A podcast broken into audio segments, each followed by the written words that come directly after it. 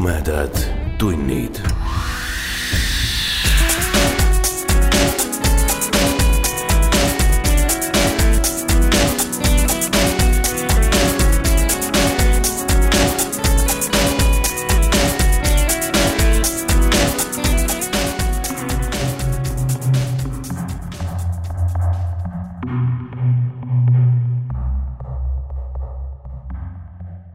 tere, hea ulmesõber. Sa kuuled Jutuvestmis podcasti Tumedad tunnid kahekümne kolmandat osa. mina olen saatejuht Priit Tööbel. paari päeva pärast on käes Halloween, aga kõrvitsatest me tänases osas ei räägi. selle asemel on meil juttu muust ja päris palju. enne kui me läheme tänaste lugude juurde, tahaks teile rääkida natukene meie tulevikuplaanidest, loosi auhinnaks minevast raamatust ja uuest häälest, keda täna kuulda võib. Niisiis, meie järgmine teemaplokk on mõeldud eelkõige meie Patreoni toetajatele ja neile, kes plaanivad hakata meie toetajateks. meie järgmine osa saab ilmuma esimesel detsembril, meie sünnipäeval ja see toob kaasa meie Patreoni toetajatele nii mõnegi üllatuse.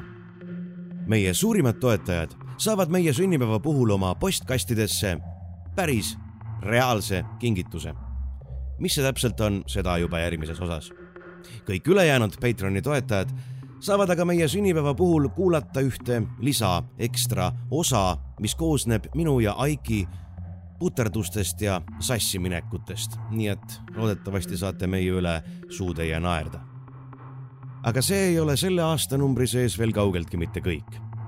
nagu ikka, ilmub ka sel aastal pikkade jõulupühade sisustamiseks mõeldud tumedate tundide jõuluosa ja siingi on meil väike üllatus meie Patreoni toetajatele. nimelt teie saate ühe osa veel. samaaegselt meie tavalise jõuluosaga ilmub Patreoni keskkonda ainult teie kõrvadele mõeldud täiemõõduline osa, millesse valitud lugu pärineb Eesti muinasjuttude õudsest varasalvest.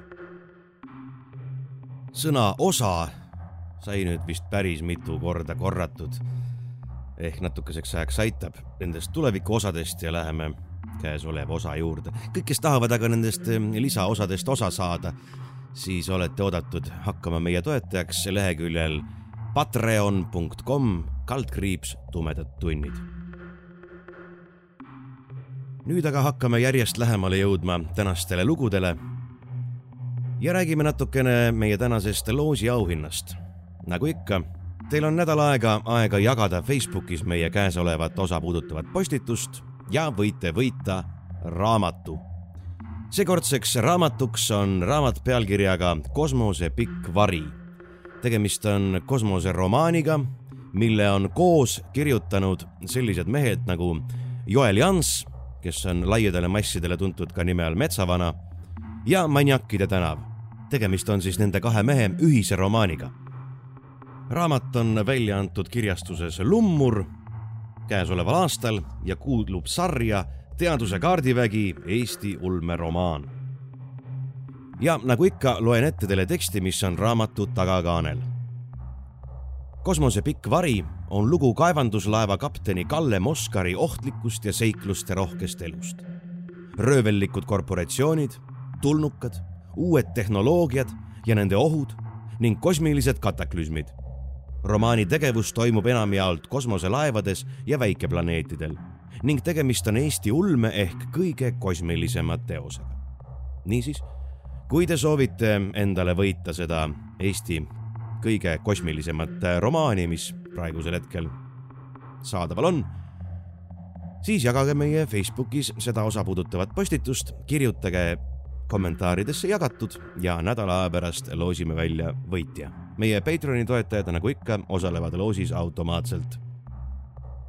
ja kui te peaksite kahtlema, kas selle raamatu nimel maksab kommenteerimisega vaeva näha, siis olete oodatud lugema ka arvustust kosmose pika varju kohta. näiteks ulmeajakirjast Reaktor käesoleva aasta, aasta kaks tuhat üheksateist septembrikuisest numbrist ja ulmeajakirja Reaktor leiate üles kerge vaevaga internetist aadressil ulmeajakiri.ee. ja need samad mehed ehk Joel Jans alias Metsavana ja Maniakide tänav on ka meie tänaste lugude autorid. üle pika aja, niisiis tumedates tundides me ei räägi mitte väikestest ja õudsetest metsamajakestest, soodest ja rabadest, vaid läheme kosmosesse, kõrgtehnoloogia valdkonda ja käsitleme seal peituvaid ohtusid. Alates tänasest aitab neid ohtusid paremini teieni tuua ka üks uus hääl. nimelt tere tulemast tumedate tundide meeskonda Mart Niinepuu. Mart oli esimene ja mis seal salata, praegusel hetkel ka viimane inimene, kes minu üleskutsele vastas ja oma häält meie podcastile pakkus. Mart on tumedate tundide tulihingeline austaja ja kui keegi soovib teda ka elusast peast lavalaudadel näha, siis minge vaatama Tammsaare teatrisse. Tammsaare teatris on Mardil nii mõnedki rollid. millistes lavastustes just nimelt tema kaasa lööb, minge vaadake nende kodulehelt tammsaareteater.ee. ja hakkamegi lõpuks oma pika eellooga lõpule jõudma. ainult ühte asja ütlen teile veel enne meie tänaseid lugusid nimelt seda, et ma tean küll, et kosmoses heli ei levi ja vaakum peaks olema täiesti hääletu.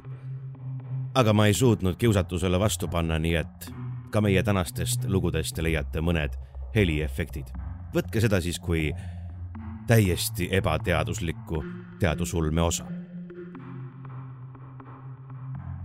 meie tänane esimene lugu on ilmunud ulmeajakirjas Reaktor kahe tuhande kaheksateistkümnenda aasta juulikuu numbris.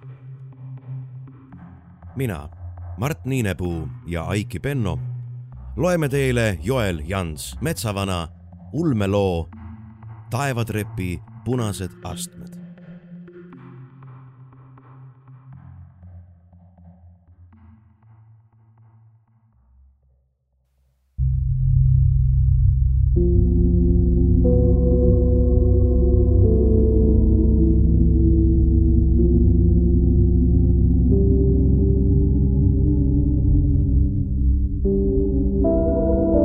Troposfäär. meil tundis, kuidas nuga mehe südamesse libisemise asemel naksatusega ribikonti tabas. ta keeras nuga ohvri ihus ja oli tänulik, et ta ei kuulnud skafandrisse mitte ühtegi välist heli, sest kahtlemata karjus tüüp meeletult.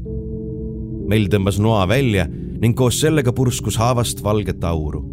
ilmselt oli skafandri soojustuseks kasutatud välja hingatud õhku ka vastase kiivri klaas kattus kondensiga ning muutis mehe näo nägemise võimatuks. asi, mille üle Mellil tegelikult hea meel oli. ta lõi noa uuesti rapsivasse kehasse ning seekord jõudis relv ka eesmärgini, sest tüüp jättis rabelemise ja jäi lõdvalt enda kinnitustrossi külge rippuma. Mell tõmbas noa välja, silmitses vastikusega sellel jäätuvat tumedat verd ning pühkis tera vastu elutut keha puhtaks seejärel asus ta värskelt tapetut tema maisest varandusest vabastama. ta ühendas mehe mõlemad õhuballoonid skafandrist ettevaatlikult lahti ja sättis enda seljale. olles sellega ühele poole saanud, uuris Mell mõne hetke mehe kinnitustrossi, leidis sellel oleva aasa ning tõmbas. ronija, kelle nime ta polnudki teada saanud, pääses lahti ning langes aeglaselt keereldes maapinna suunas Mell vaatas talle mõne hetke mõtlikult järele ning lõi siis pilgu üles. naljakal kombel oli ülesvaatamine isegi hirmutavam. mööda oavarta alla vaadates võis küll õõnsaks võtta, aga see oli vaid kõrguse kartus, aju kaitserefleks. üles vaadates kippus aga peale tulema must masendus. alla oli vaid viisteist, üles aga veel tervelt kaheksakümmend viis kilomeetrit ja kuskil seal veel üks ronija. Mell haakis enda julgestusköiega teise tuuletasku külge, rüüpas skafandris suu juurde kerkinud huulikutest alguses sõõmu vett ja siis külma puljongit ning silmitses igatsevalt lõputuna taevasse kaduvat kosmoselifti vart. see suundus otse mustavasse tühjusse kui tuleniit. kusagil seal niidi lõpus oli pääsemine. kosmosejaam NR üks ja selle taga omakorda hästi organiseeritud ühiskond. õigused, piiramatus koguses kehaimplantaate, geeniteraapiad ja virge. olles mõrvajärgsest šokist veidi toibunud, lülitas ta raadio tööle ning võttis ühendust all kosmoselifti jalamil laagris oleva mutikuga. no räägi, tegid tüübi vagaseks? päris mutik ärevalt ja ilma igasuguse taktitundeta. tegin, sõnas Mel napilt. Ja ise, oled korras, vastu ei hakanud, palju hapnikku said? paristas mutik kõik tal peas keerlevad küsimused ühe valanguga välja. ei hakanud. parem isegi kui oleks, mühatas Mel. hea mees, olukord on enam kui noateral ja sina tahad veel sporti harrastada. imestas tehnik. inimest, kes on ka sulle endale ohtlik, on märksa kergem tappa, sõnas Mel ja kuulis, kuidas mutik liini teises otsas vaikselt turtsatas. Ta mõtles korra, et kas öelda tehnikule teravalt kuid leidis samas, et tal pole selleks ei jõudu ega tahtmist. mutik polnud elus tapnud kedagi peale videomängu tegelaste. tema ei kujutanud ette, kui raske on kellelegi silma vaadata ja siis talle nuga rindu rammida. no aga hapnik? päris mutik uuesti. kaks pakki, kaalu järgi mõlemad täis. väga hea. aa, kuule, mis tehnikaga see tüüp ronis? Oli tal ka sama ämblik või? kurat, võtaks nagu mul oli aega vaadata. kaotas Mel viimaks kannatuse. äkki tahad ta skafandri seeria numbrit ka teada? okei okay,, okei okay,, võta rahulikult, puhka ja roni edasi. praegu side lõpp, ma rohkem ei sega. sõnas mutik kiirelt ja katkestas ühenduse. kuradi sitahark, supilontrus, vana pasamokk, vihastas Mel, kuid kedagi polnud enam liinil. Ja hea oligi, et polnud kõikudes maa ja taeva vahel, polnud kõige targem enda väsimust ja pahameelt ainukese maaga säilinud sideme peale välja elada. seega jätkas ta ronimist, lülitas krabi tööle. väike, inimpea suurune masin spurtis oma kuuel magnetialal kergelt mööda kosmoselifti vart viiskümmend meetrit, haakis end siis järgmise tuuletasku külge ning lülitas tööle temasse ehitatud vintsi, kerides Melli koos varustusega enda juurde seal ühendas Mellend julgestuskonksuga ka tuuletasku ehk siis kosmoselifti lukustamiseks mõeldud õnaruse külge ning lasi krabi uuesti teele. jah, olgu see mutik pealegi täielik küünik, kelle võimetus teiste inimeste tundeid mõista lähenes kahtlaselt psühhopaadi omale. tehnikat ta mõistis. Mellil oli piisanud vaid ühest põgusast pilgust, et märgata, et tapetud ronijal oli olnud märksa kehvem krabimudel vaevalt, et sellega oli võimalik täisvarustuses mehel üle viie kilomeetri päevas ronida. see aga tähendas, et põhimõtteliselt oli Mell teinud halastustapu. mees oleks kahtlemata kas lämbunud või õhupuudusest sõgedana alla hüpanud. nii mõtteid veeretades ronis Mell veel kümme kilomeetrit ning skafandri andurite kohaselt jõudis kõrguseni, kus osoonikiht või see, mis oli sellest järele jäänud oli kõige tihedam. see tundus hea sümboolse kohana, kus puhkama ning akusid laadima jääda. ta sikutas seljakoti alt välja väikeseks tombuks surutud voodi ja kinnitas võrkkiike meenutava moodustise tuuletasku külge ning sättis end sinna poolistukile. Seejärel riputas ta päikese suunas lipuna välja päikesepatarei kanga, et krabi ja selle vintsi vedavaid akusid laadida ning uinus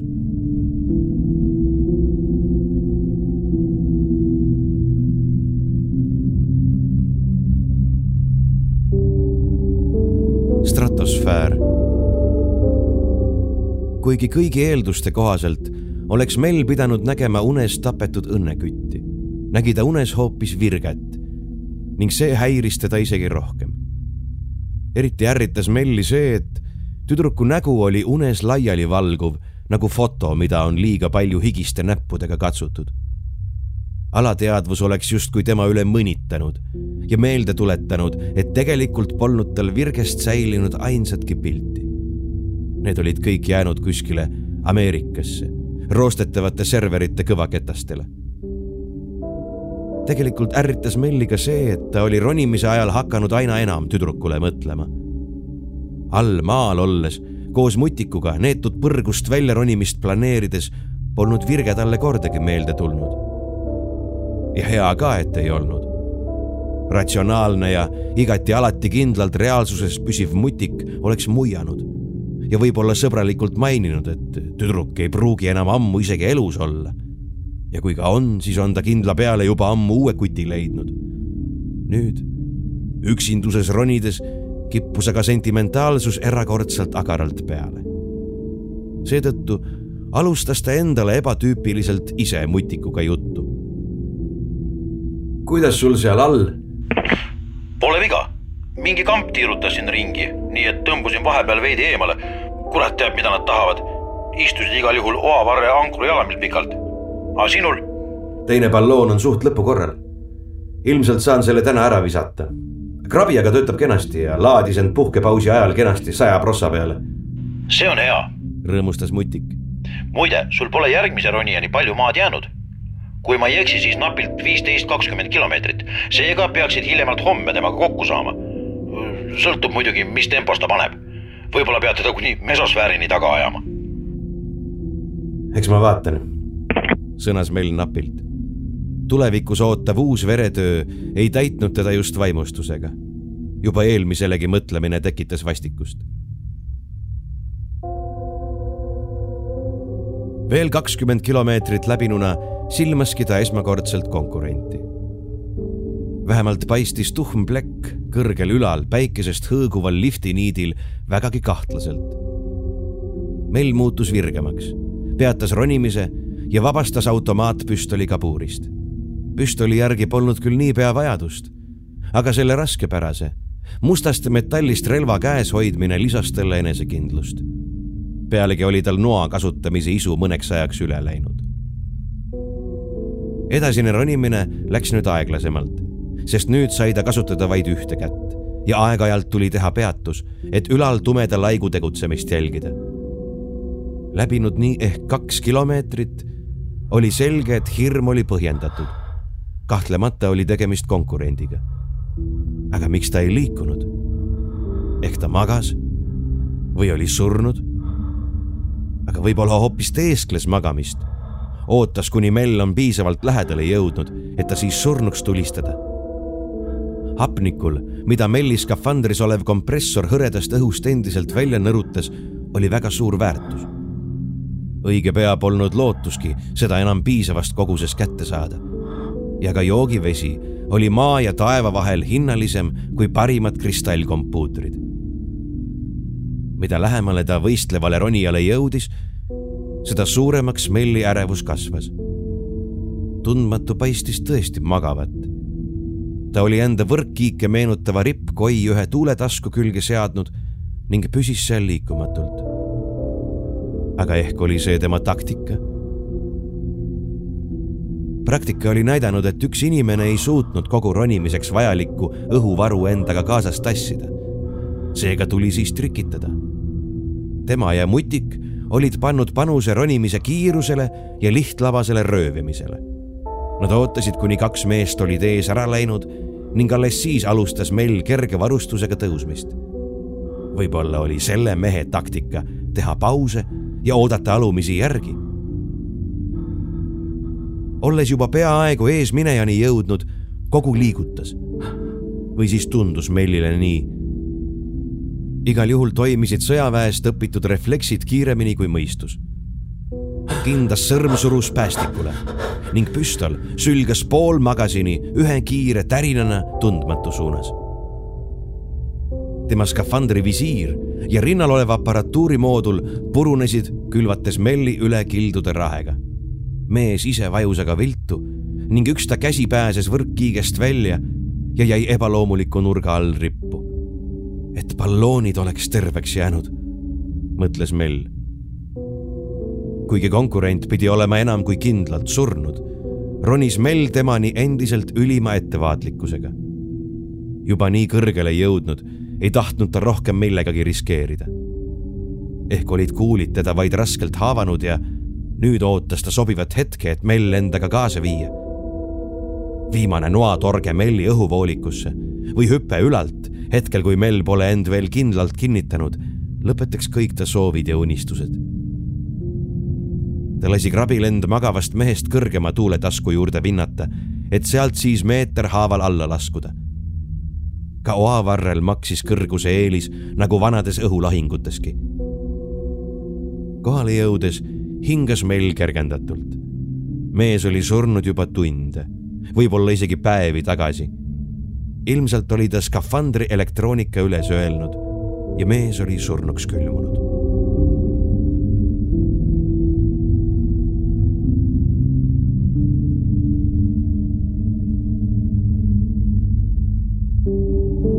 Mesosfäär. neetud. miks peab gravitatsioonist ülesaamine nii keeruline olema? vandus Mell endamisi. mutik oli talle kunagi selgitanud, et asi oli mateerias. see oli gravitatsioonikaevu jõudmiseks kogu oma energia ära kulutanud. nüüd tuleb sealt väljasaamiseks kogu see energia uuesti välja käia. ja seda Mell siis tegigi, samm-sammult ülespoole pürgides hea, et seejuures ei pidanud ta ronima kogu tee ankrust kuni kosmoselifti lõppu, selle vastasraskuseni välja, mis oleks teinud kolmkümmend tuhat kilomeetrit. piisas vaid liftikapsli endani jõudmisest. peale energiavarustuse katkemist oli see jäänud üheksakümne seitsme kilomeetri kõrgusele seisma. tuli vaid sinna ronida, energiavarustus orbiidil olevale reaktorile ümber lülitada ja ülejäänud tee mugavas hermeetilises kapslis läbida. edasi aga siis kosmosejaam, korralik kõhutäis, uni, dušš ning teised ammu unustatud mugavused. ja seejärel võib virge üles otsida. ei, uni võib oodata. parem otsib ta virge kohe esimese asjana üles. niimoodi unistades ja üles tühjusse viivat lifti vart silmitsedes köitis Melli tähelepanu ootamatu valguse võbelus. järjekordne ronija. aga see oli võimatu. kaks olid enne teda üles läinud ja kaks olid ka surnud. või olid tegemist mõne veelgi varasema õnnekütiga, kes sarnaselt viimasele oli samuti surnuks külmunud või hapnikupuuduses lämbunud. nii kõrgele ilma vigurdamata ei jõua. jah, ilmselt nii oligi leidis Mell ja jätkas enesekindlalt teekonda. olles nii tubli kilomeetri roninud, tegi ta pausi ja vaatles oletatavat laipa binokliga. tegemist oli kahtlemata skafandris koguga. aga oot, kas ta mitte ei liigutanud? Mell tundis, kuidas tal kukal ärevusest higiseks tõmbus. jah, tõepoolest, tegemist polnud laiba, vaid liikuva inimesega aga midagi tundus tema juures väga valesti. kulus terve minut, enne kui Mell mõistis, mis. ta liikus mitte üles, vaid hoopis alla. Mell sättis end kosmoselifti kandestruktuuri teisele poolele, nii et ta ei paistaks allatulijale silma ja jäi mõttesse. kas peaks mutikuga ühendust võtma? pigem ei mida kasulikku võis tehnik talle öelda peale selle, et ta oli eksinud ja tegelikult oli ikkagi kolm inimest üles roninud. ka ei tundunud allapoole ronimine Mellile enam nii absurdne kui alguses. ilmselt oli tüübi hapnik hakanud otsa saama ning ta oli otsustanud alla tagasi tulla. ettevaatlikult liftitoru tagant piiludes jälgis Mell, kuidas ronija allapoole laskus. see käis tal erakordselt kiirelt tüübil polnud vaja teha muud, kui haakida vintsi külge kinnitatud konks tuuletaskusse ning gravitatsioon tegi oma töö. jõudnud järgmise tuuletaskuni, sikutas ta konksu lahti ning kinnitas selle järgmisesse pessa. imelihtne. Läheks üles ronimine sama tempoga, oleks Mell juba mitu päeva tagasi ülal olnud. üks huvitav nüanss oli loobujaga siiski veel. ta seljale oli kinnitatud üsnagi kogukas langevari see suurendas Melli põlgust tüübi vastu veelgi. Pole mingi ime, et tal hapnik otsa sai, kui lisaballoonide asemel hoopis sellise juraka kaasa võttis. huvitav, miks ta üldse enda alla ronimisega vaevas? ega polnud juba hüpanud, imestas Mell ning leidis samas sellele ka kohe vastuse. ilmselt oli tal plaan laskuda enda vintsiga piisavalt madalale, kus juba oli mingi minimaalne õhurõhk olemas ja sealt siis langevarjuga edasi minna mõned minutid oli ta laskujat silmitsedes isegi kõhelnud, et kas üldse seda õnnetut põgenejat rünnata. aga külmunud mehe hapnikupaakides oli olnud väärtuslikku vedelat hapnikku liiga vähe. ja nüüd Mell ootas. kui tundmatu argpüks oli jõudnud tema tuuletasku vastassüvendini, kiigutas ta end kandetoru varjust välja. olles esimestest ohvritest õppinud, lõi seekord Mell noatüübile kõrri. See toimis tõepoolest paremini piisas vaid ühest noalöögist, et panna skafandris kogu lõtvuma. meil puhastas noa harjumuspäraselt vastu tapetu skafandrit ja avastas, et ta tundis end märksa paremini kui esimesel korral. huvitav, kas harjutamine tegi tõesti igal alal meistriks? ilmselt küll, sest varasemalt teda tabanud närune tunne puudus täiesti. pigem valdas teda võidurõõm. Ilmselt samasugune mis võis vallata jahimeest edukalt õnnestunud tabamuse järel. Mell viskas ühe enda tühja hapnikuballooni alla ja vabastas allatulija tema omadest. Melli üllatuseks olid need ääretasa täis. sellise kogusega oleks saanud tüüp, kes ta nüüd iganes ka oli, ilma probleemideta üles ronida. ja kuidas ta oli üldse saanud ballooni täiesti tervena hoida ilmselgelt oli ta seda vahepeal mõne õnnetu külmunu varudest täiendanud. sellest mõttest enesekindlust saanud, kobas Mell surnu peremehelikult läbi, jätmata puutumata isegi ta taskuid, lõigates need noaga lihtsalt toorelt lõhki. peamiselt oli neis mittevajalik varustus, mis Melli ei huvitanud. aga ühes küljetaskus leidus korralik suure ekraaniga võimas tahvel, mis rändas peale väikest kõhklust Melli seljakotti varemalt poleks ta ilmselt seda lisaraskust endale võtnud. aga nüüd oli ta juba peaaegu eesmärgil ning hapnikuvarude sedavõrd suur täienemine oli ta muutnud uljaks. miks mitte end mõni eesootav õhtu pisut lõbustada ja tahvlist eelmise omaniku videoid vaadata või muusikat kuulata. olles laiba läbiotsimise lõpetanud, ühendas Mell surnud trossi küljest lahti ning jätkas teed muretu elu ja virge suunas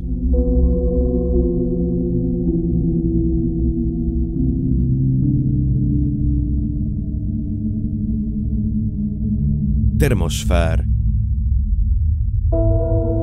eesmärk paistis iga päeva ja tunniga aina selgemalt. alguses oli see vaid pisike mügar lifti hõbeniidil, siis juba toekam kühm ning lõpuks hakkasid seal välja joonistuma ka erinevad sopistused, antennid ja mootorikondlaid tähistavad kumerused.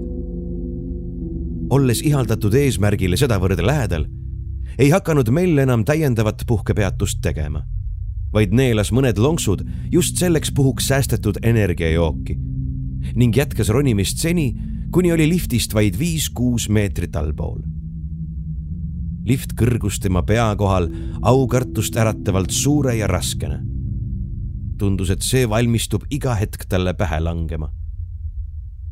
kohal, sõnas ta väsinult, aga õnnelikuna. tee nüüd oma arvutivärke ja lase mind sisse. tõesti okei okay. hmm., nüüd ei pea sa muud tegema, kui proovima avariiluuki avada. see peaks sulle kätte paistma, oranži äärega piiratud ruut, näed? näen, sõnas Mell ja ronis veel paar meetrit ülespoole. luuk asetses lifti keskmest ja seega lifti kandeniidist meetri kaugusel. Mell pidi end tugevalt välja küünitama, et selle käepidemest haarata. ja nüüd keera seda, päri, ei vastupäeva Mell sikutas kangi. keerasin, mis nüüd? naljakas, see peaks avanema, see on nii disainitud. imestas mutik. tema hääl reetis kerget ärevust. oota, ma vaatan skeeme. nii, eh, ukse kõrval, seal peaks olema selline väljaeenduv mügar, selle all on konsoolipaneel, saad sa selle lahti? peab saama, arvas Mell ta võttis vöölt viimase ülesronijaga kohtumisest vereplekilise noa ja surus selle karbi ääre alla. peale natuke jõnksutamist ja jändamist tuli kate lahti ja kadus läperdades tühjusse. näen paari standardpistikut ja üht klaviatuuri, raporteeris ta raadiosse. ühenda enda kiivri kompuuterkonsooliga, võta pilt ette ja jaga see minule välja. nii saan ma ka ise näha sama, mis sinagi ja läbi sinu arvuti häkkida. õpetas mutik Mell tegi jälle nagu kästud ja tema ülikonna visiirile ilmus blinkiv käsuviip. samal hetkel võttis mutik asja üle ning asus üleloomuliku kiirusega konsooli erinevaid Mellile arusaamatuid käske sisestama. kuidas on? päris Mell, kelle jaoks hakkas häkkimise riitus ebaloomulikult pikaks venima. saab siis juba sisse või ei? tundub, et see on lukustatud ülevalt poolt ehk siis kosmosejaamast, aga ma proovin sutike veel. ära sa midagi kihva keera. ma ei tahaks sugugi kogu seda maad uuesti alla ronida. sõnas Mell murelikult. ära muret, oh sitt. vandus mutik ning Melli kiivri ekraanile ilmus ähvardavas tulipunases kirjas. tuvastatud lubamatu sissetung, terminal lukustatud. mutik, mida sa teed? Päris Mell ärevalt, aga sõber oli vastamiseks liiga hõivatud. ta proovis paar korda uuesti käsureale pääseda, kuid see päädis viimaks sellega, et konsoolilt kadus pilt sootuks. raisk, nad lülitasid konsooli pordid üldse välja, sõnas mutik õnnetult. kuidas me siis peaksime sisse saama? sa pead upitama end lifti otsa, seal on veel kaks sissepääsu mõni neist peaks vähemalt olema ka väljast ja tarkvarast sõltumatult avatav. ohutusreeglid näevad ette, et lifti tuleb saada siseneda ka kogu tarkvara täieliku riknemise korral. türa tema vanaema, vihastus Mell. no pole midagi, saime koerast üle, saame ka sabast. üritas mutik optimistlikku nooti hoida. Mell valmistus talle vastama, et mida ta võiks koeraga peale hakata, kuid samal hetkel läbis lifti tugev jõnksatus mida kuradit? karjatas Mell üllatunult ning see oli ka viimane, mida ta mõnda aega oli võimeline ütlema, sest järgmisel hetkel Aha. sööstis lift talle otse näkku ja kogu maailm muutus tema ümber üheks suureks valu ja punase hägu mereks.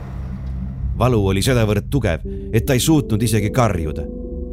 Mell lootis kõigest hingest, et ehk tuleb päästev teadvuse kaotus talle meenus, et kui piin on liiga suur, siis lülitab aju end ise välja.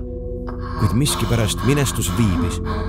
ju polnud aju arust tegemist ikkagi veel maksimumiga.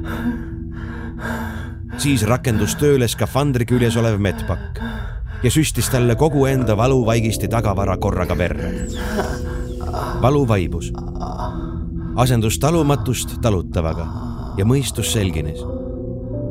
Mell vaatas ringi ja taipas õudusega, et lift oli sadakond meetrit allapoole laskunud, rebides küljest tema ronimismehhanismi ja sellega ühendatud parema käe. Õnneks oli vähemalt luugi käepideme külge kinnitatud julgestustross terveks jäänud. mutik, mutik, vasta! karjus ta paanikas mikrofoni, kuid raadiokanalil krõbises vaid staatika.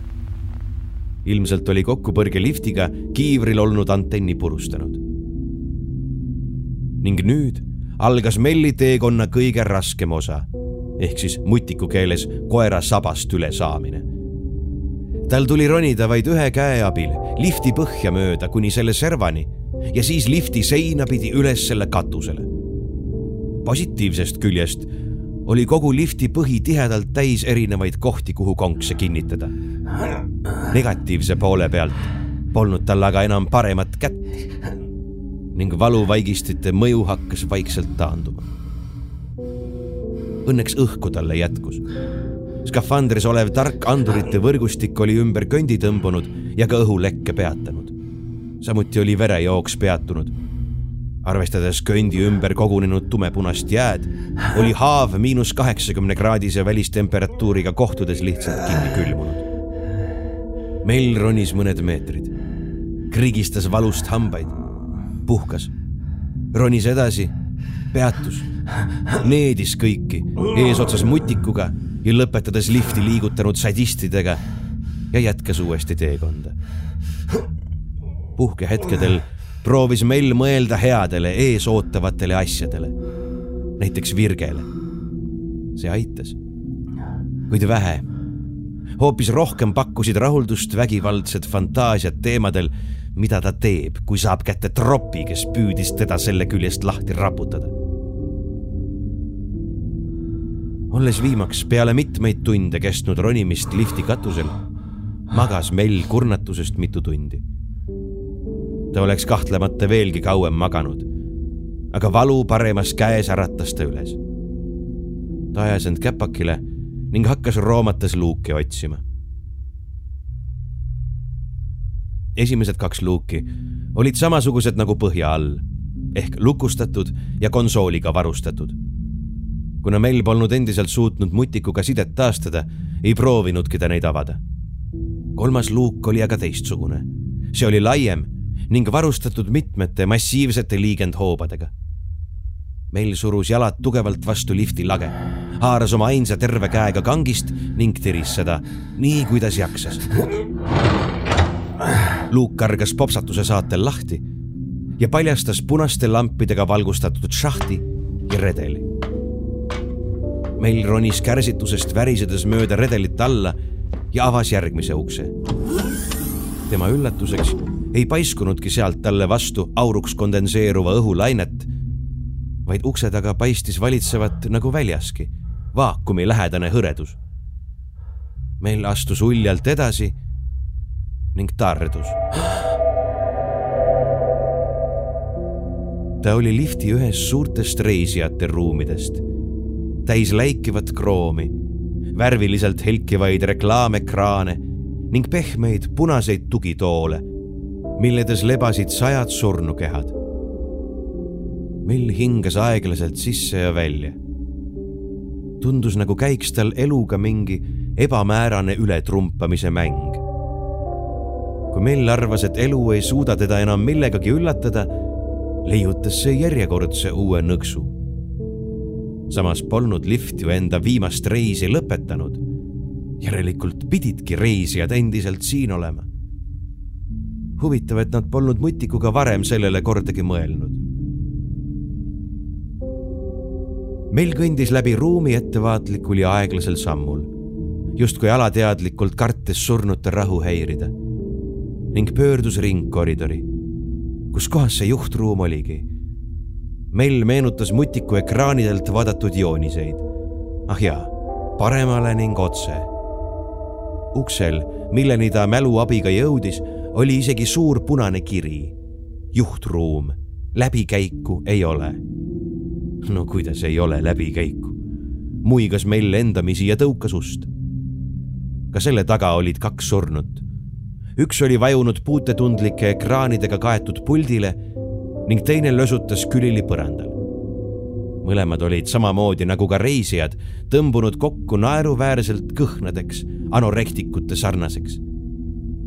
vaakum oli nad kehavedelikest täiesti tühjaks kuivatanud nagu muumiad. kuigi lifti juhtkonsool oli vaid käesirutuse kaugusel, ei hakanud meil sellega jändama vaid rabas esimesena lahti hoopis seinal asuva punase ristiga märgistatud kapi. see oli tema rahuloluks täis laetud akude ja ampullidega mettpakke. ning järgnev kümme minutit surus ta neid ükshaaval enda skafandris asuvasse spetsiaalsesse pesasse ja lasi masinail oma tööd teha. suruda talle verre haava ravivatest nanomasinatest, ergutitest ja valuvaigistitest moodustatud kokteili. vaid mõni minut hiljem tundis Mell end isegi ärksamana, kui ta ronimise alguses oli olnud ning valu oli köndist sootuks taandunud. seega võis ta nüüd keskenduda viimaks retke peaeesmärgile.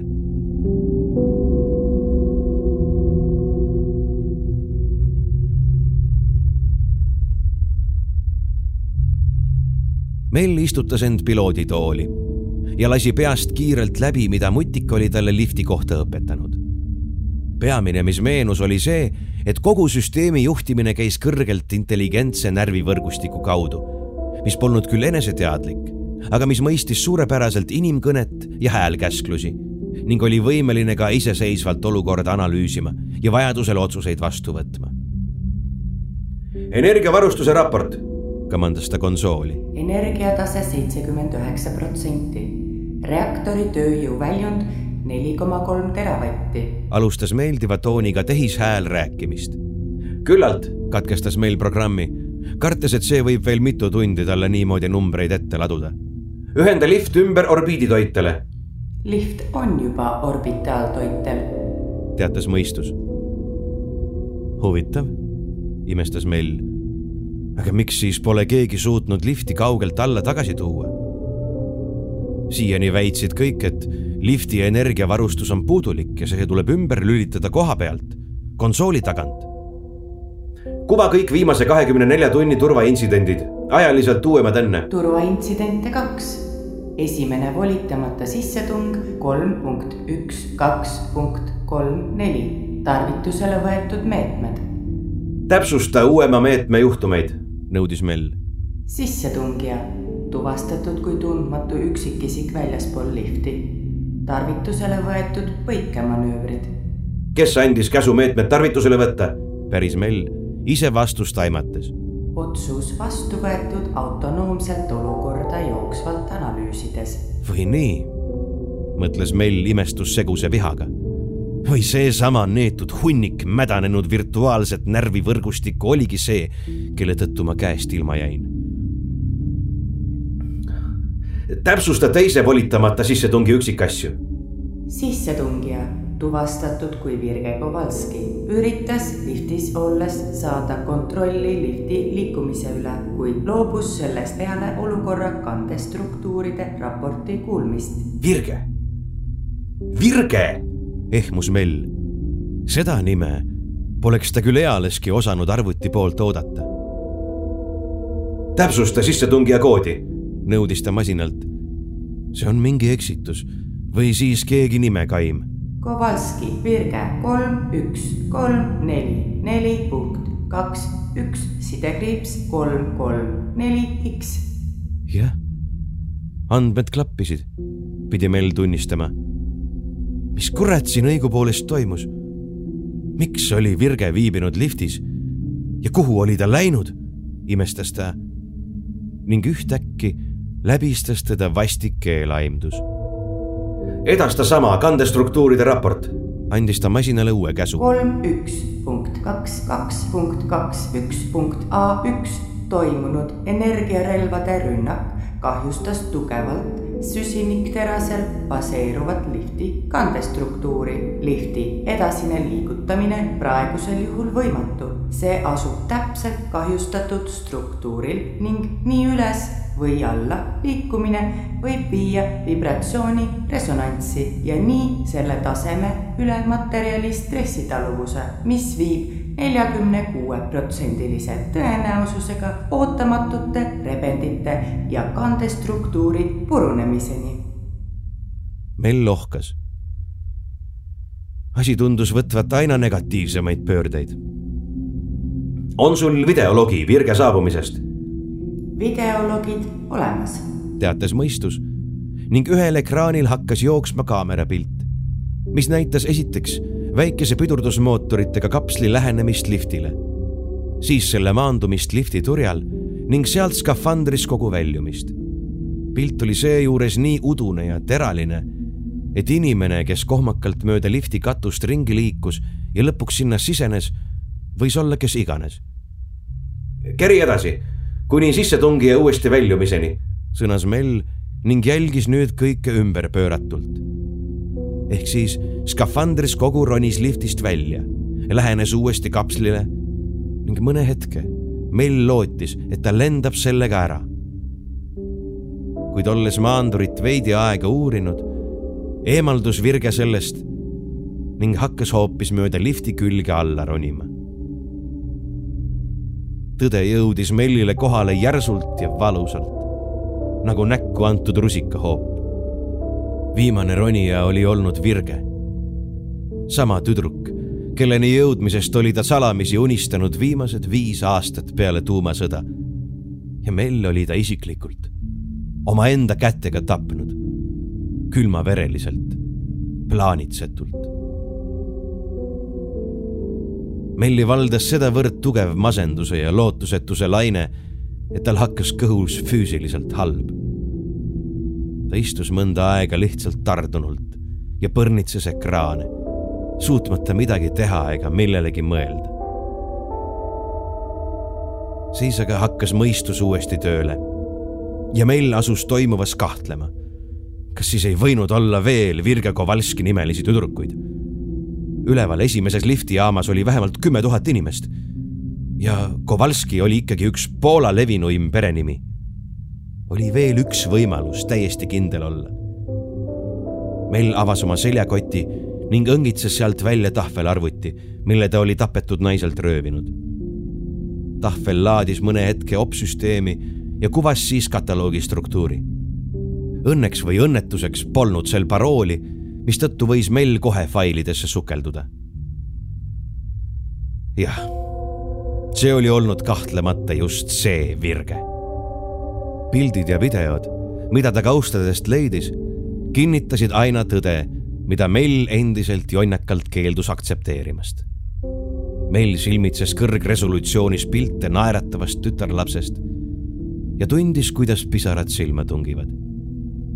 ilmselt ta olekski jäänud sinna juhtruumi toolile istuma ja pilte vaatama kuni hapniku otsa saamiseni, kui pääsemine poleks tulnud sellest samast tahvlist. olles paar esimest ja vanemat kausta läbi vaadanud, sattus Mell järjest enam piltidele, kus Virge polnud enam üksi, vaid ühe jõulise oleku ning laia avala naeratusega noormehega. ja mida aega edasi seda lähedasemateks nad piltidele muutusid. alguses lihtsad käehoidmised muutusid kirglikeks embusteks ja silmavaatamised asendusid suudlustega. lõpliku selguse või siis ülesaamise tõi Mellile aga virge sõnumite arhiiv. sealt viimaseid teateid sirvides luges ta välja ka tõe, miks oli Virge liftini laskumise üldse ette võtnud. Tema vastne abikaasa Bernard oli olnud üks neist, kes saadeti maanduriga peale sõda alla maale ellu jäänud ühiskonda taastama. side oli loomulikult enam kui konarlik ja lõpuks oli see täiesti katkenud radioaktiivsete pilvede tõttu, mis Bernardi tegutsemisala kohal hõljusid. seega oli Virge andnud end esimesena üles, kui hakati otsima vabatahtlikku, kes läheks ja üritaks kosmoselifti uuesti tööle saada. Need pildid ja kirjad osutusid Melli tabanud meeleheitele üllatavalt tõhusaks ravimiks. leitud info oli justkui tuli, mis aitas temast lootusetuse ja enesevastase jälestuse välja põletada. mitte küll lõplikult. Mell tajus, et peale virge tapmist ei saa ta enam kunagi olla endine. aga see aitas teda piisavalt, et saada tagasi mingigi tegutsemis- ja elutahe. Ta mõistis, et virge keda ta oli tundnud ja kelle suunas unetutel öödel fantaseerinud, oli juba ammu kadunud. ja asi polnud isegi selles, et ta oli õnnelikus abielus. ka piltidelt vaatas talle vastu hoopis teistmoodi inimene kui tütarlaps tema hägustes mälestustes. see oli vanem, küünilisema pilgu ja muutunud näojoontega võõras naine. Omamoodi oli see mida Mel piloodikabiinis läbi elas, isegi piinarikkam kui käekaotus. kuid ta tuli sellest üllatuseks välja küll seesmiselt tühjemana, aga märksa enesekindlamalt. nüüd ta teadis, et tal pole enam midagi kaotada. ja seega peab ta lifti iga hinnaga tööle saama. Mell alustas taas häälkäsklustest kuid see oli loomulikult lootusetu ettevõtmine. süsteem ei kavatsenudki talle alluda, viidates idioodi järjekindlusega liiga kõrgele liftiniidi katkemise tõenäosusele. mutik oleks ehk end pikkapeale ai turvasüsteemist läbi närinud, ent mutikut polnud, sest skafandri sidemoodul oli endiselt puru ning lifti enda raadiot meil kasutada ei osanud. Mell näris närviliselt huuli ja üritas meenutada, mida Mutik oli talle liftisüsteemidest rääkinud. talle meenus hägusalt, et insener oli rääkinud miskist käsijuhtimisest, mis oli alati olemas ai purunemise või kokkujooksmise juhuks. aga kus see oli ja kuidas seda kasutada? meil põrnitses vihaselt monitore. kõik see oleks nii palju kergem, kui mingid insenerid poleks lifti varustanud iseõppiva süsteemiga või kui nad oleks ta varustanud suure punase nupuga, kust saaks selle nõrgamõistusliku mõrvari välja lülitada. üsna kindlalt oli just ai lifti pilootide ja reisijate surma taga, lastes ruumid lihtsalt õhust tühjaks. nii kui nad üritasid panna teda statistikast hoolimata üles või alla liikuma. enesealalhoiu instinkt oli sel raisal kõva ja kolmest robootika käsust polnud ta ka ilmselt kuulnudki kahtlemata olid ka praegugi selle protsessorid hõivatud analüüsimisega, et kuidas järjekordsest soovimatust inimesest vabaneda. ei, mõistus pidi kaduma. ja lõpuks tuli Mellile idee. ta lahkus juhtruumist ning liikus pikki ringkoridori edasi kuni teeninduskäiguni ja sisenes sinna mutiku jutust oli Mellil meeles, et laeva arvutisüsteemi ülal hoidev masinaruum asus kuskil mootorite ja akude vahel. Õnneks polnud selle leidmine raske. nagu kõik liftis, olid ka masinaruumide uksed hoolikalt mitmekeelsete siltidega sildistatud. uks oli küll lukustatud, aga Melli raske skafandrisaabas purustas ilmselt vaid juhuslikke uitajaid eemale hoidma pidanud lukku naeruväärse kergusega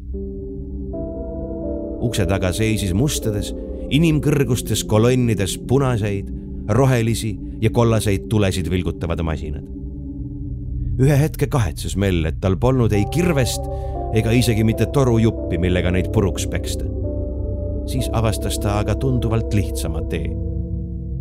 masinaid ühendasid omavahel erkoranžid peened kaablid ning Mell keeras kämbla nende ümber ja asus kaableid välja kiskuma arvestades tulede vilkumise kiirenemist, oli tema tööl ilmselt ka mõju.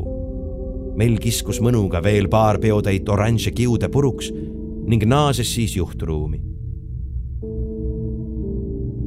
tema suureks heameeleks olid nüüd kõik ekraanid peale ühe mustad. sellele oli ilmunud üsnagi lihtsa, kuid funktsionaalse graafikaga juhtpaneel, millelt sai valida erinevaid lifti põhisüsteemidega seotud funktsioone Mell uudistas neid hetke, valis seejärel laskumine alla, kiirendus kolmkümmend üks ja sisestas kinnitan. Mell tundis skafandri saabaste all kerget vibratsiooni, kui mootorid tööle rakendusid ja lift liikuma asus.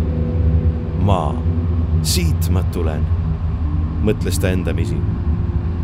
juba järgmisel hetkel selgus selle mõtte ennatlikkus kogu lifti läbis ülitugev raputus. Mell paiskus vastu pulti ja hetkeks lõid ta silme ees taas tantsima eredad valgustäpid ning hetk enne seda, kui kõikemattev valu ta endasse mässis ja ümbritsevat unustama pani, mõistis ta, et ta oli tõstnud enda ja puldi vahele olematu käe. Mell toibus põrandal. ta ajas end püsti ja heitis pilgu ekraanidele kus vilkusid erinevad punased veateated. meil ei saanud teadetest küll aru, aga ei pidanudki olema insener, et mõista peamist. lifti tross oli katkenud.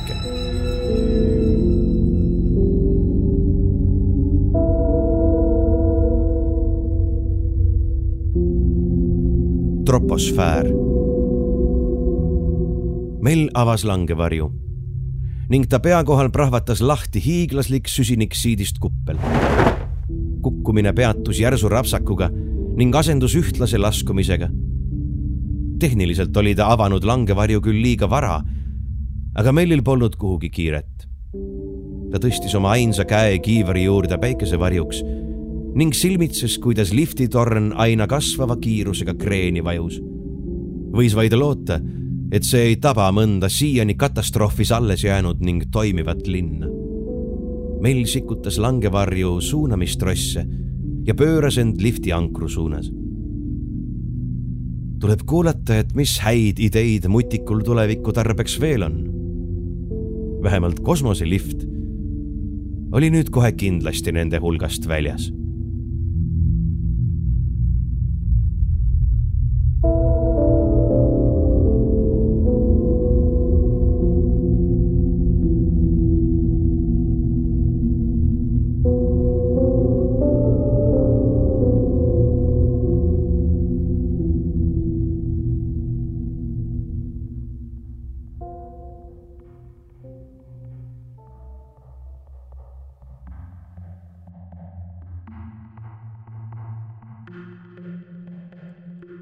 ka meie järgmine lugu räägib ootamatustest, põhjustest ja tagajärgedest ja on mõnes mõttes natukene eelmise looga sarnane. millises mõttes, kuulake ise. see lugu on ilmunud kahe tuhande kaheteistkümnendal aastal jutukogus Saladuslik tsaar. mina, Tanel Bergmann ja Mart Niinepuu loeme teile Maniakide tänava ulmeloo Robonaut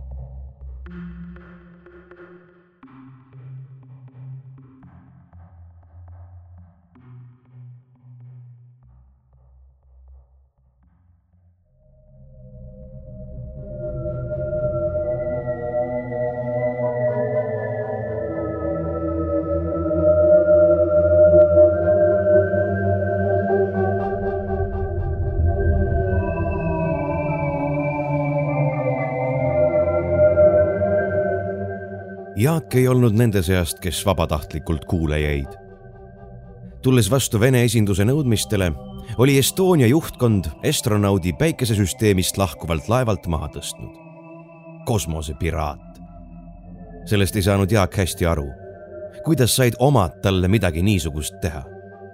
ta ei programmeerinud Ippoliti ümber ju mingist omakasust ajendatuna, vaid ühise hüve nimel. eeskätt just maha jäänud eestlaste aitamiseks vältimatult saabuval kaoseperioodil. aga laiemalt vaadates võitis sellest kogu inimkond. takkajärgi pidi Jaak muidugi tunnistama, et kolmkümmend aastat tagasi läbi viidud aktsioon ei aidanud tegelikult midagi.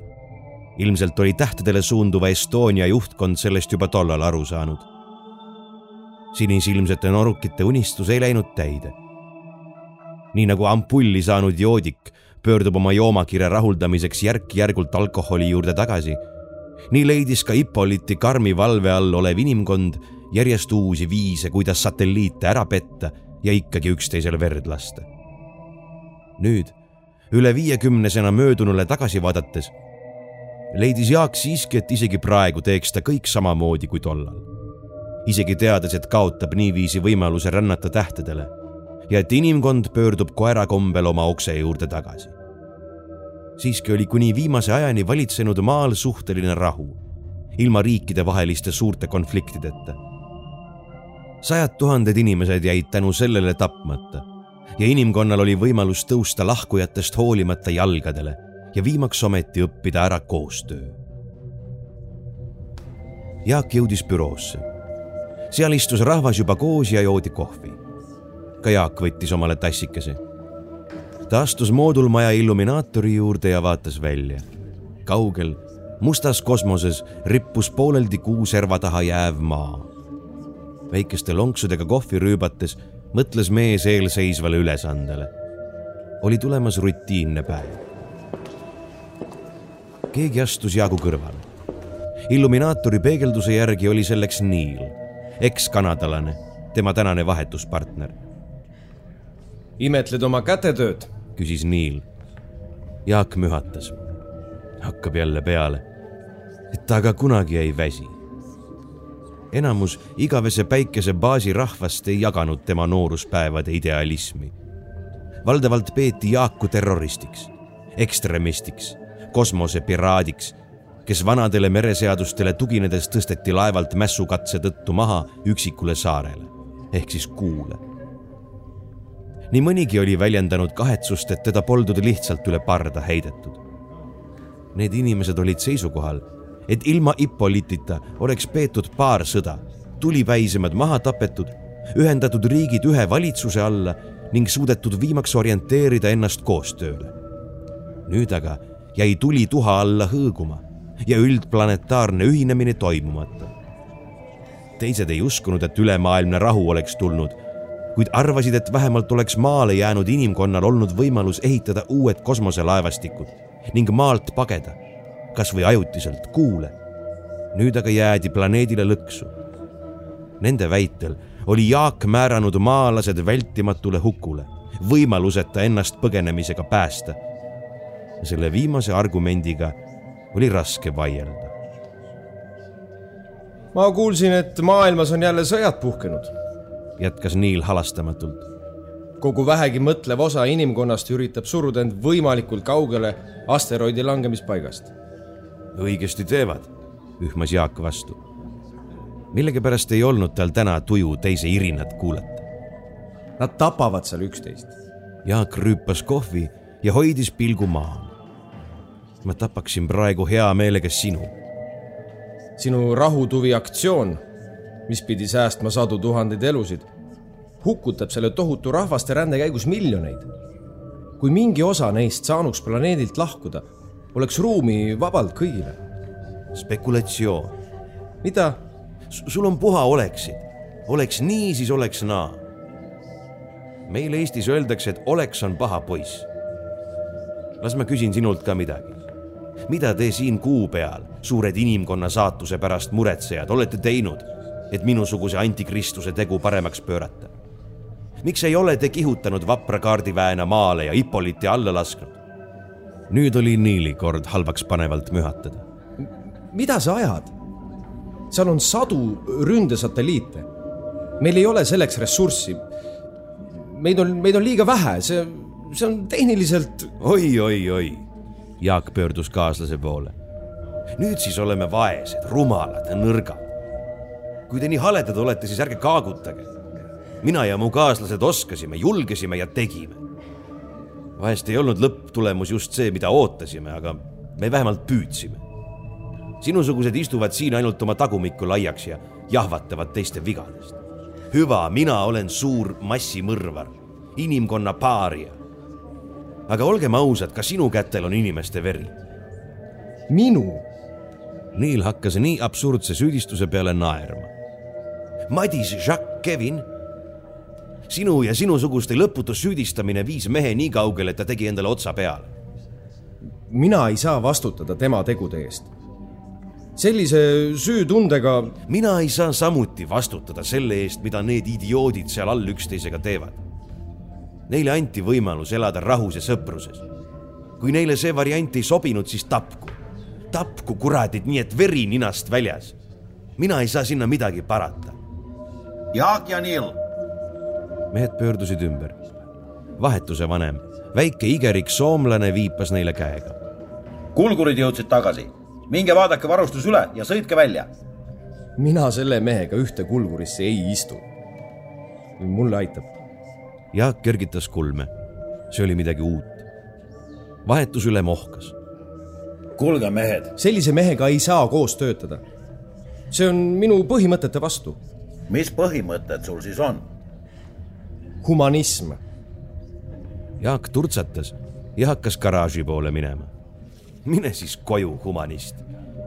mina lähen igatahes kulgurisse. ja lähengi koju. ma tahan näha, kaua sind tööl hoitakse, kui ei leidu kedagi, kes sihukese baarimees tahaks olla.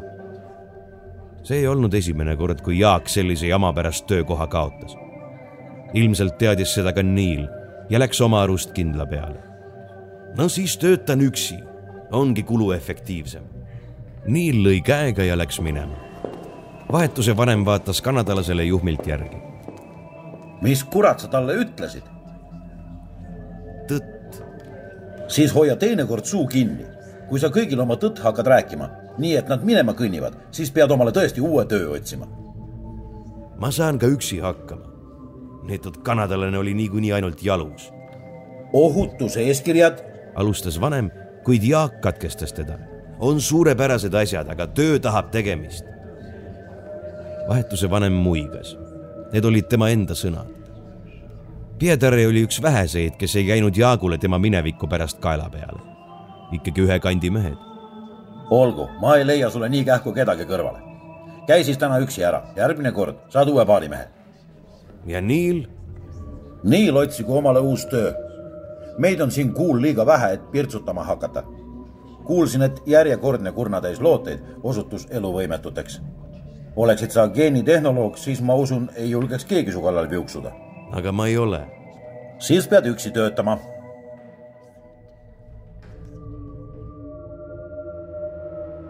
Jaak läks garaaži ja võttis saabuvalt meeskonnalt kulguri vastu.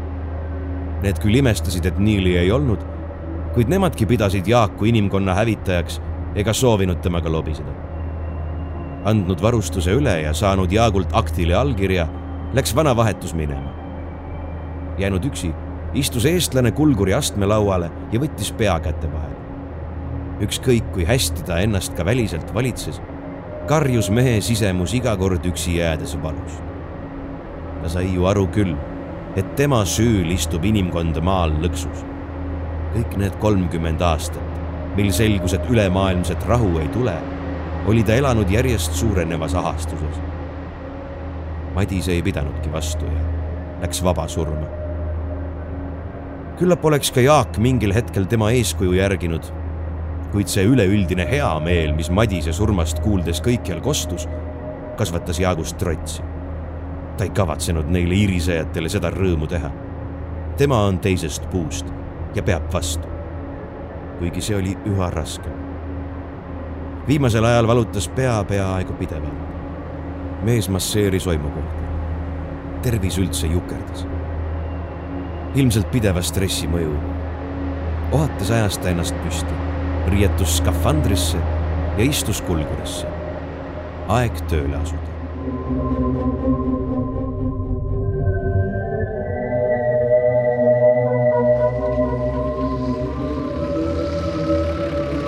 Sõita tuli pikalt kuid viimaks jõudis kulgur sihtkohta ja Jaak peatas masina. ümberringi valitses pimedast pimedam pimedus ning vaikusest vaiksem vaikus. ta asus kuu tagaküljel, terraformeerimispiirkonnas.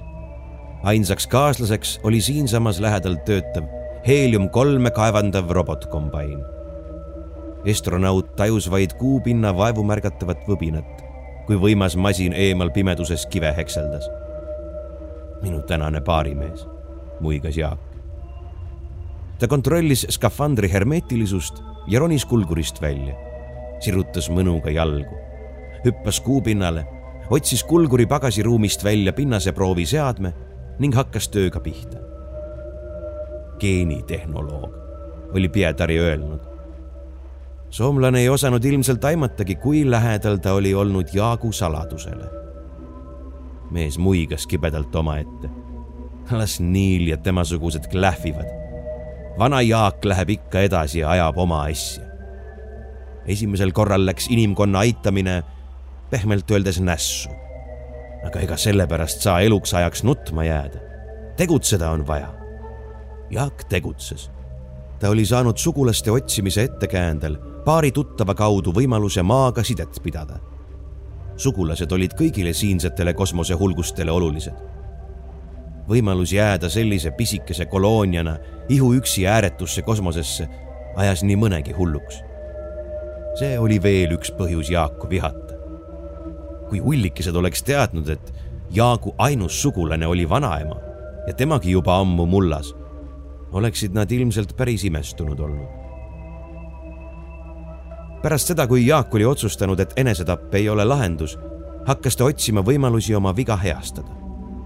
kui kuu baasides üksteise järel kosmilise kiirguse kõrvalmõjuna kõik rasedused katkesid, haaras kuulasi paanika. hakati paaniliselt otsima lahendusi soo jätkamiseks. üheks võimalikuks väljapääsuks oli muuta inimesed geneetiliste manipulatsioonide abil kiirgusele vastupidavamaks.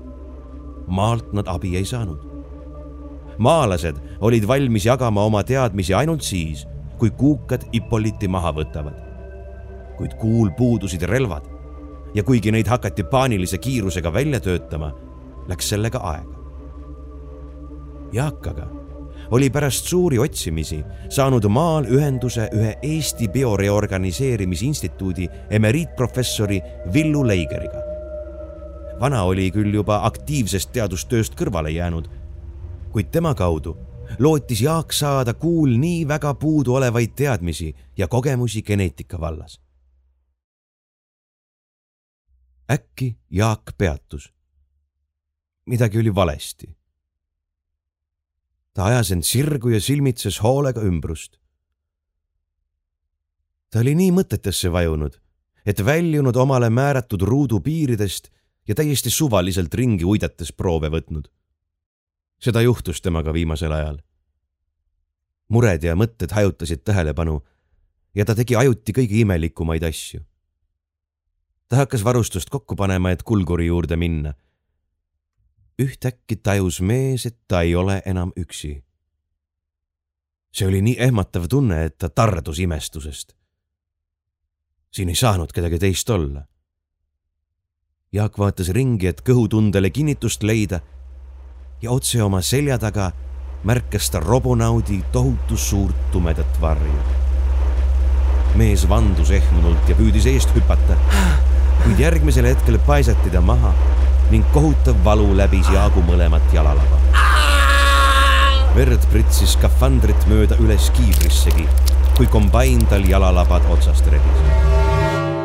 samal hetkel jäi masin nagu oma teost ehmudes seisma sekund hiljem süttis roboti tornis blinkima hakates punane avariilamp. Jaak ägas. ta lamas näoli oma kiivris olevas veres. kogu keha esikülg tundis sooja verist niiskust. kuid jalad, seal, kus pidid olema labad, levitasid kohutavat külmust. skafandri nutiskelett oli rebimiskoha ümber jalgade hermetiseerinud, kuid köndid jäid siiski kuu atmosfääritus vaakumis valitseva külma kätte. Jaak võitles minestusega ja tundis, et kaotab selle võitluse. kõik ujus ebareaalsena silme ees. pimedus rõhus igast küljest peale. ainult robonaudi avariilambi punaselt sähviv valgus rebestas seda halvaendeliselt. siia ma suren, mõtles ta. mees tajus, kuidas skafandri esmaabisüsteem teda süstaldega torkis ja turgutas. adrenaliinid, dopamiinid ühtäkki oli ta mõistus vahe nagu habemenuga ja liikmetesse voolas jõudu. ma pean kulgurini jõudma, mõtles Jaak. hullu ei ole midagi. skafander on hermeetiline. kõik elutagamise ja ravisüsteemid toimivad. kulguri juhtimiseks pole jalgu vaja ja pealegi on seal raadio. kutsun abi ja sõidan neile poole tee peale vastu. baasis pannakse mulle kunstialad alla ja kõik on kompu kuigi see oli öeldud eelkõige enese rahustamiseks, leidis mees ka peale hoolikat järelemõtlemist, et just nii see tõepoolest oligi. lootus tõstis astronaudis pead.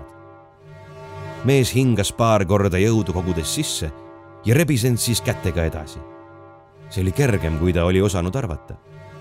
ka jalgadega andis täitsa talutavalt tõugata. esmaabisüsteemi poolt süstitud medikamendid ja väike gravitatsioon panid teda tundma, et soovi korral võiks ta end ehk isegi püsti ajada ja püüda kõntidel edasi komberdada.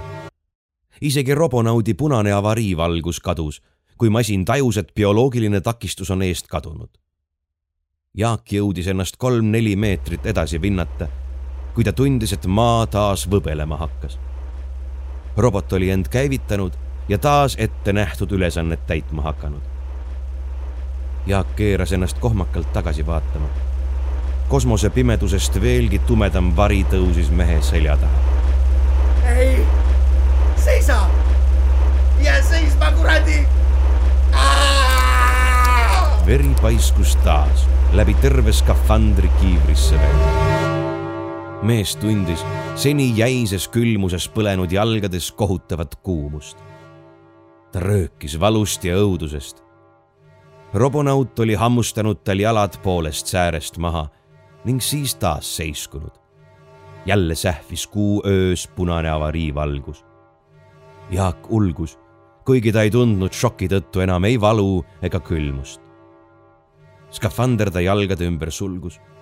sisinal pahises värske õhk kostüümi ning esmaabisüsteem analüüsis mehe seisukorda, kuid ei leidnud vajadust tegutsemiseks Jaak karjus kaua. viimaks ta vaikis ja hingeldas oma verisesse kiivrisse. mõnda aega ei suutnud ta midagi mõelda. vahtis hingeldades verd oma kiivris ja vaid värises üle keha. tasapisi hingamine ühtlustus. ta teeb seda veel, mõtles Jaak. niipea kui ma ennast eemale vean, hakkab see värdes liikuma ja ei peatu enne, kui on minust veel ühe tüki maha kaksanud. Ta ajas end küünarnukkidele ja vaatas tagasi.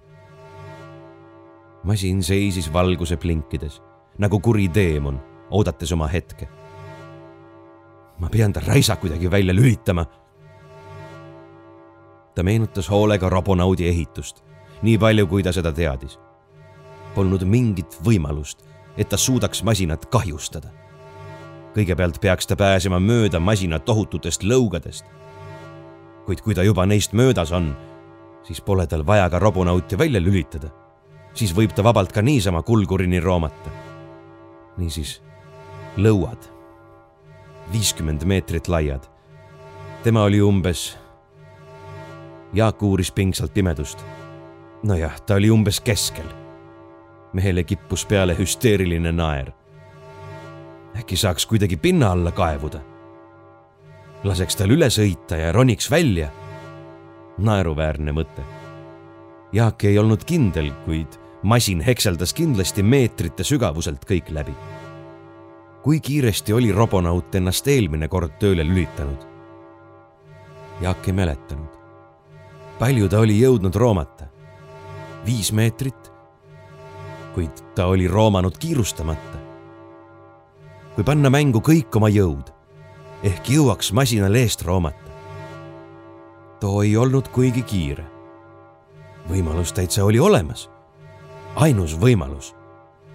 halb oli see, et Jaak pidi roomama mitte ainult edasi, vaid samal ajal ka külje peale, et masina lõugade eest lõpuks kõrvale saada. kakskümmend viis meetrit jämedalt võttes, viltu minnes kaks korda rohkem. viiskümmend meetrit roomamist. Eelmine kord sai masin ta juba viie peal kätte. õudus nööris astronaudi kõri kokku. sellest polnud lugu, kui masin talt veel ühe suutäie küljest ampsab selle elab üle ja uued jalad on vaja niikuinii panna. kuid õudne oli see mõte ikkagi. ole nüüd tubli, Jaak poiss, kordas mees omale vanaema sõnu. ole nüüd tubli. Astronaut startis.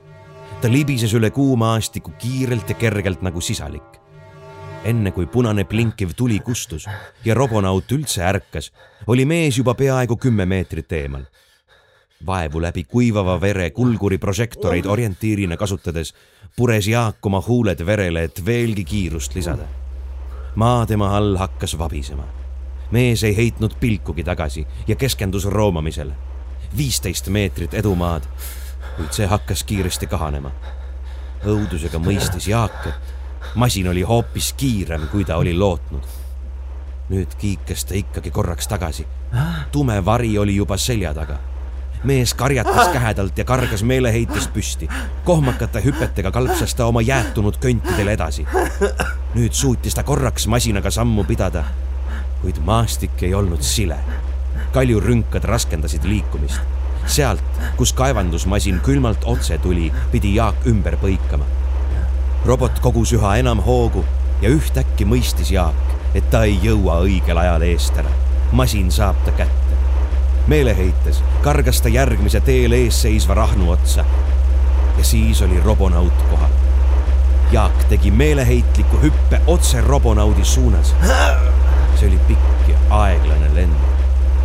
Kogu Jaagu elu jõudis silme eest läbi rulluda, kui ta üle surmavate lõugade lendas ja hiigelmasina katusele maandus. masin võppus ja vabises ning polnud mõeldud selleks, et keegi tema seljas ratsutaks mees hakkas libisema.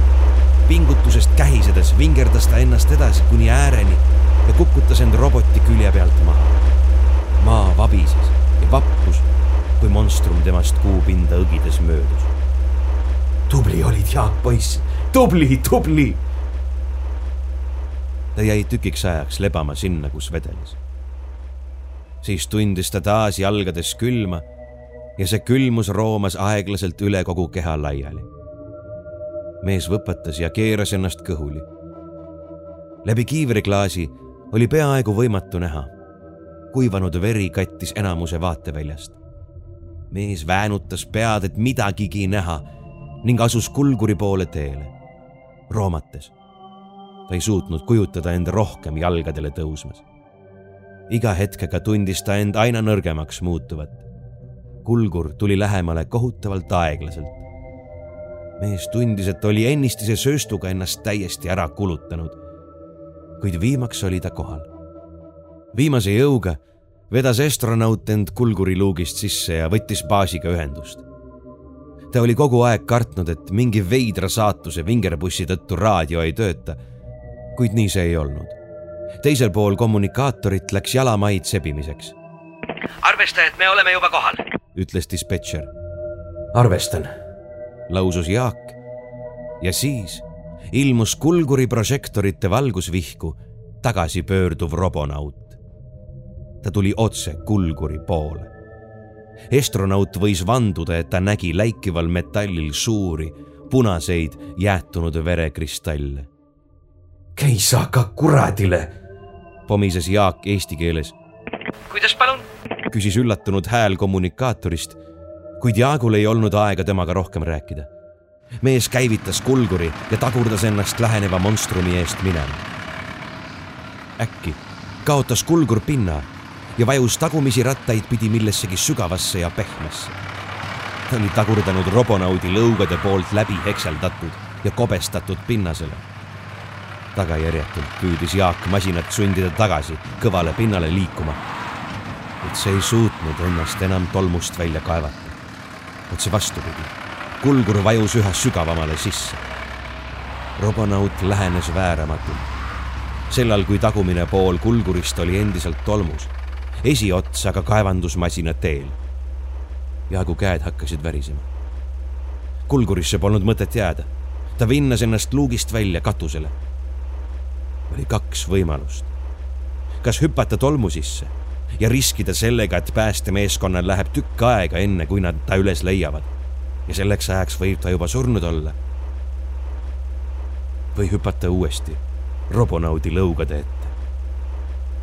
Monstrum oli sajakonna meetri kaugusel ja lähenes vääramatult. viiskümmend meetrit üle välja, et lõugade haarde laiusest pääseda.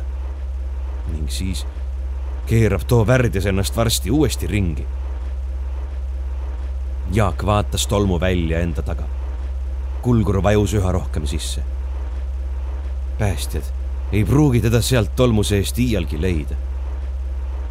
kui on valida kahe kurja vahel, siis valigem see, keda juba tunned, pomises Jaak, libistas ennast kõvale pinnasele ja alustas sprintroomamist. maastik tema ees oli kivine ja pidevalt tuli teha ringe ümber suurte rahnude. maa võbisemine üha tugevnes ja siis nägi Jaak otse enda ees kerkimas tumedat varju. mees suutis ainult õhku ahmida, kui taipas, et oli kivide ümber tiirutades kaotanud õige suuna ja roomanud otse hukatusse. hetkeks ei taibanud ta ka enam, millisest suunast enne tulema oli hakanud ja kus pool oli kulgur kuid siis kogus ta ennast ning väledalt nagu nirk keeras astronaut end õigeks ning sööstis taas kõntidele tõustes päästvas suunas paari hüppe järel kaotas ta valust kisendavatel jalgel tasakaalu ja kukkus. Kõntidel ei olnud võimalik liikuda. selle valu talumine käis üle mehe võimete. tume vari kerkis tema selja taha. Jaak arvas tajuvat masina tekitatavas ühtlases võbinas mingit dissonantsi. ilmselt oli too hammustanud kulguri pooleks. kuid Jaak võitles ennast edasi masina eest kõrvale ta enam ilmselt ei jõua. kuid mees oli näinud eespool, kuupinnas, laia lõhet. See oli tema viimane võimalus. regoliidi puru üles keerutades sahmis mees edasi. keha verises skafandris leemendas higist, süda kloppis meeleheitlikus tempos ning siis oli monstrum kohal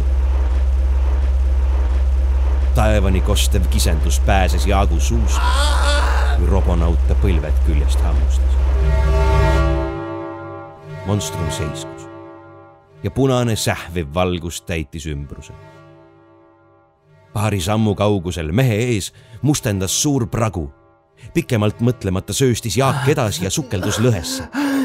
alles seal, pea eesmööda nõlva allapoole libisedes, mõistis mees oma valuhulluses tehtud viga ta poleks pidanud enam pingutama. päästemeeskond oli teel ja robot püsis ju paigal, kuni tal Jaak lõugade vahel oli. Oleks pidanud lihtsalt ootama. nüüd aga ta tajus, kuidas maapind värisema hakkas. mees jõudis lõhangu põhja. ta keeras ennast õigeks ja rabeles hetkekski peatumata mööda lõhet edasi. see jooksis põiki kaevandusmasina ees. ülevalt hakkas langema tolmu. kivid varisesid alla. Äkki tundis Jaak, kuidas tal õhk kopsudest välja rebiti. üle teravate kivide roomates oli ta skafandrisse mikroaugu rebinud vaakum kiskus skafandri sisemise atmosfääri välja mõne hetkega. ülikond ei olnud mõeldud kestvaks roomamiseks üle karmi maastiku. veel hetk ja nutikangas parandas rebendit. värske õhk pahises kostüümi. Jaak tõmbles, tema ninast ja suust voolas verd. Ülalt langes kive ja tolmu. maa tema ümber ei võbelenud enam, vaid rappus ja värises mees ahmis päästvat hapnikku omale kopsudesse ja siples edasi. veel hetk ja tema kohal sähvisid puurterad. kogu maailm oli täis tolmu ja kive rabises nagu vihma. mees oleks nagu puu alusesse põrgusse sattunud. Libises üllatavalt rahulik mõte mehel läbi pea. ja siis oli kõik möödas. ta oli mattunud tolmu ja kivide alla maavärin üha kaugenes. jõuetult liigutas Jaak oma sõrmi. kõigest hoolimata need liikusid. siin ma nüüd olen ja siia ma suren. hüvasti, Pietari. hüvasti, Villu. hüvasti, geenitehnoloogiad. Hüvasti, inimkond. kogu Jaagu keha oli teravast valust hoolimata haaranud tuim apaatia jõud oli otsa saanud. nii imelik on mõelda, arutas Jaak, et minu surm määrab kuukoloonia ja ühes sellega ka inimkonna hukule. ma ei jõudnudki neile päästvaid teadmisi hankida. Ümberringi hakkas kuupind taas värisema. ta tuleb tagasi, mõtles mees. see oli peaaegu instinktiks muutunud püüd roboti eest põgeneda mille tõttu hakkas Jaak end ülespoole kaevama. ja kord juba sellega alustanud, rügas ta tuimalt edasi. peaaegu üliinimliku pingutusega suutis mees end tõepoolest kivirisu alt välja murda. vaid pool meetrit oli enne puudu jäänud, et ta ennist roboti eest kõrvale saanuks. kiviprahti endalt maha pühkides vaatas astronaut üles tantlikus pimeduses oli raske öelda, kui sügaval ta täpselt asus. kas ronida üldse üles? seal ei oota teda niikuinii midagi muud kui vana hea robonaut. aga jääda siia alla? ma olen selleks liiga kuradi palju vaeva näinud, et lasta end lihtsalt tolmu alla matta, mõtles Jaak. las see värdjas tuleb ja naksab mind veel kord läksid põlved minguga reied. minu pärast inimkond ei hukku. rääkigu niilisugused, mis tahavad. just ilma minuta saavad nad hukka. ta hakkas ronima, tundes üleval ootava roboti suhtes väljakannatamatut õudu. Kuid ta pidi nad päästma.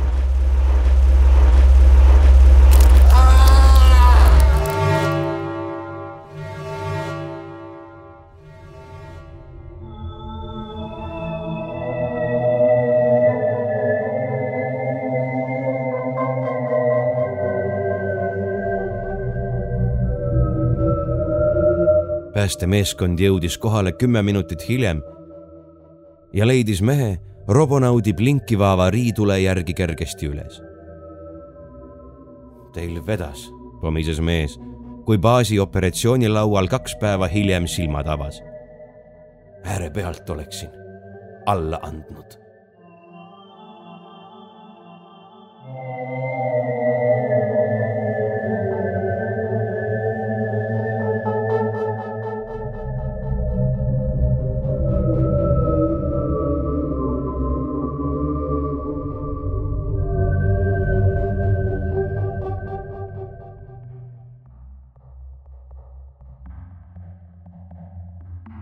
ja ongi tänaseks kõik. nagu ikka, kommenteerige ja kritiseerige meid. jagage meid oma sõprade ja vaenlastega. ja kui tahate veelgi rohkem tumedaid tunde, siis toetage meid leheküljel patreon.com kaldkriips tumedad tunnid. kohtumiseni esimesel detsembril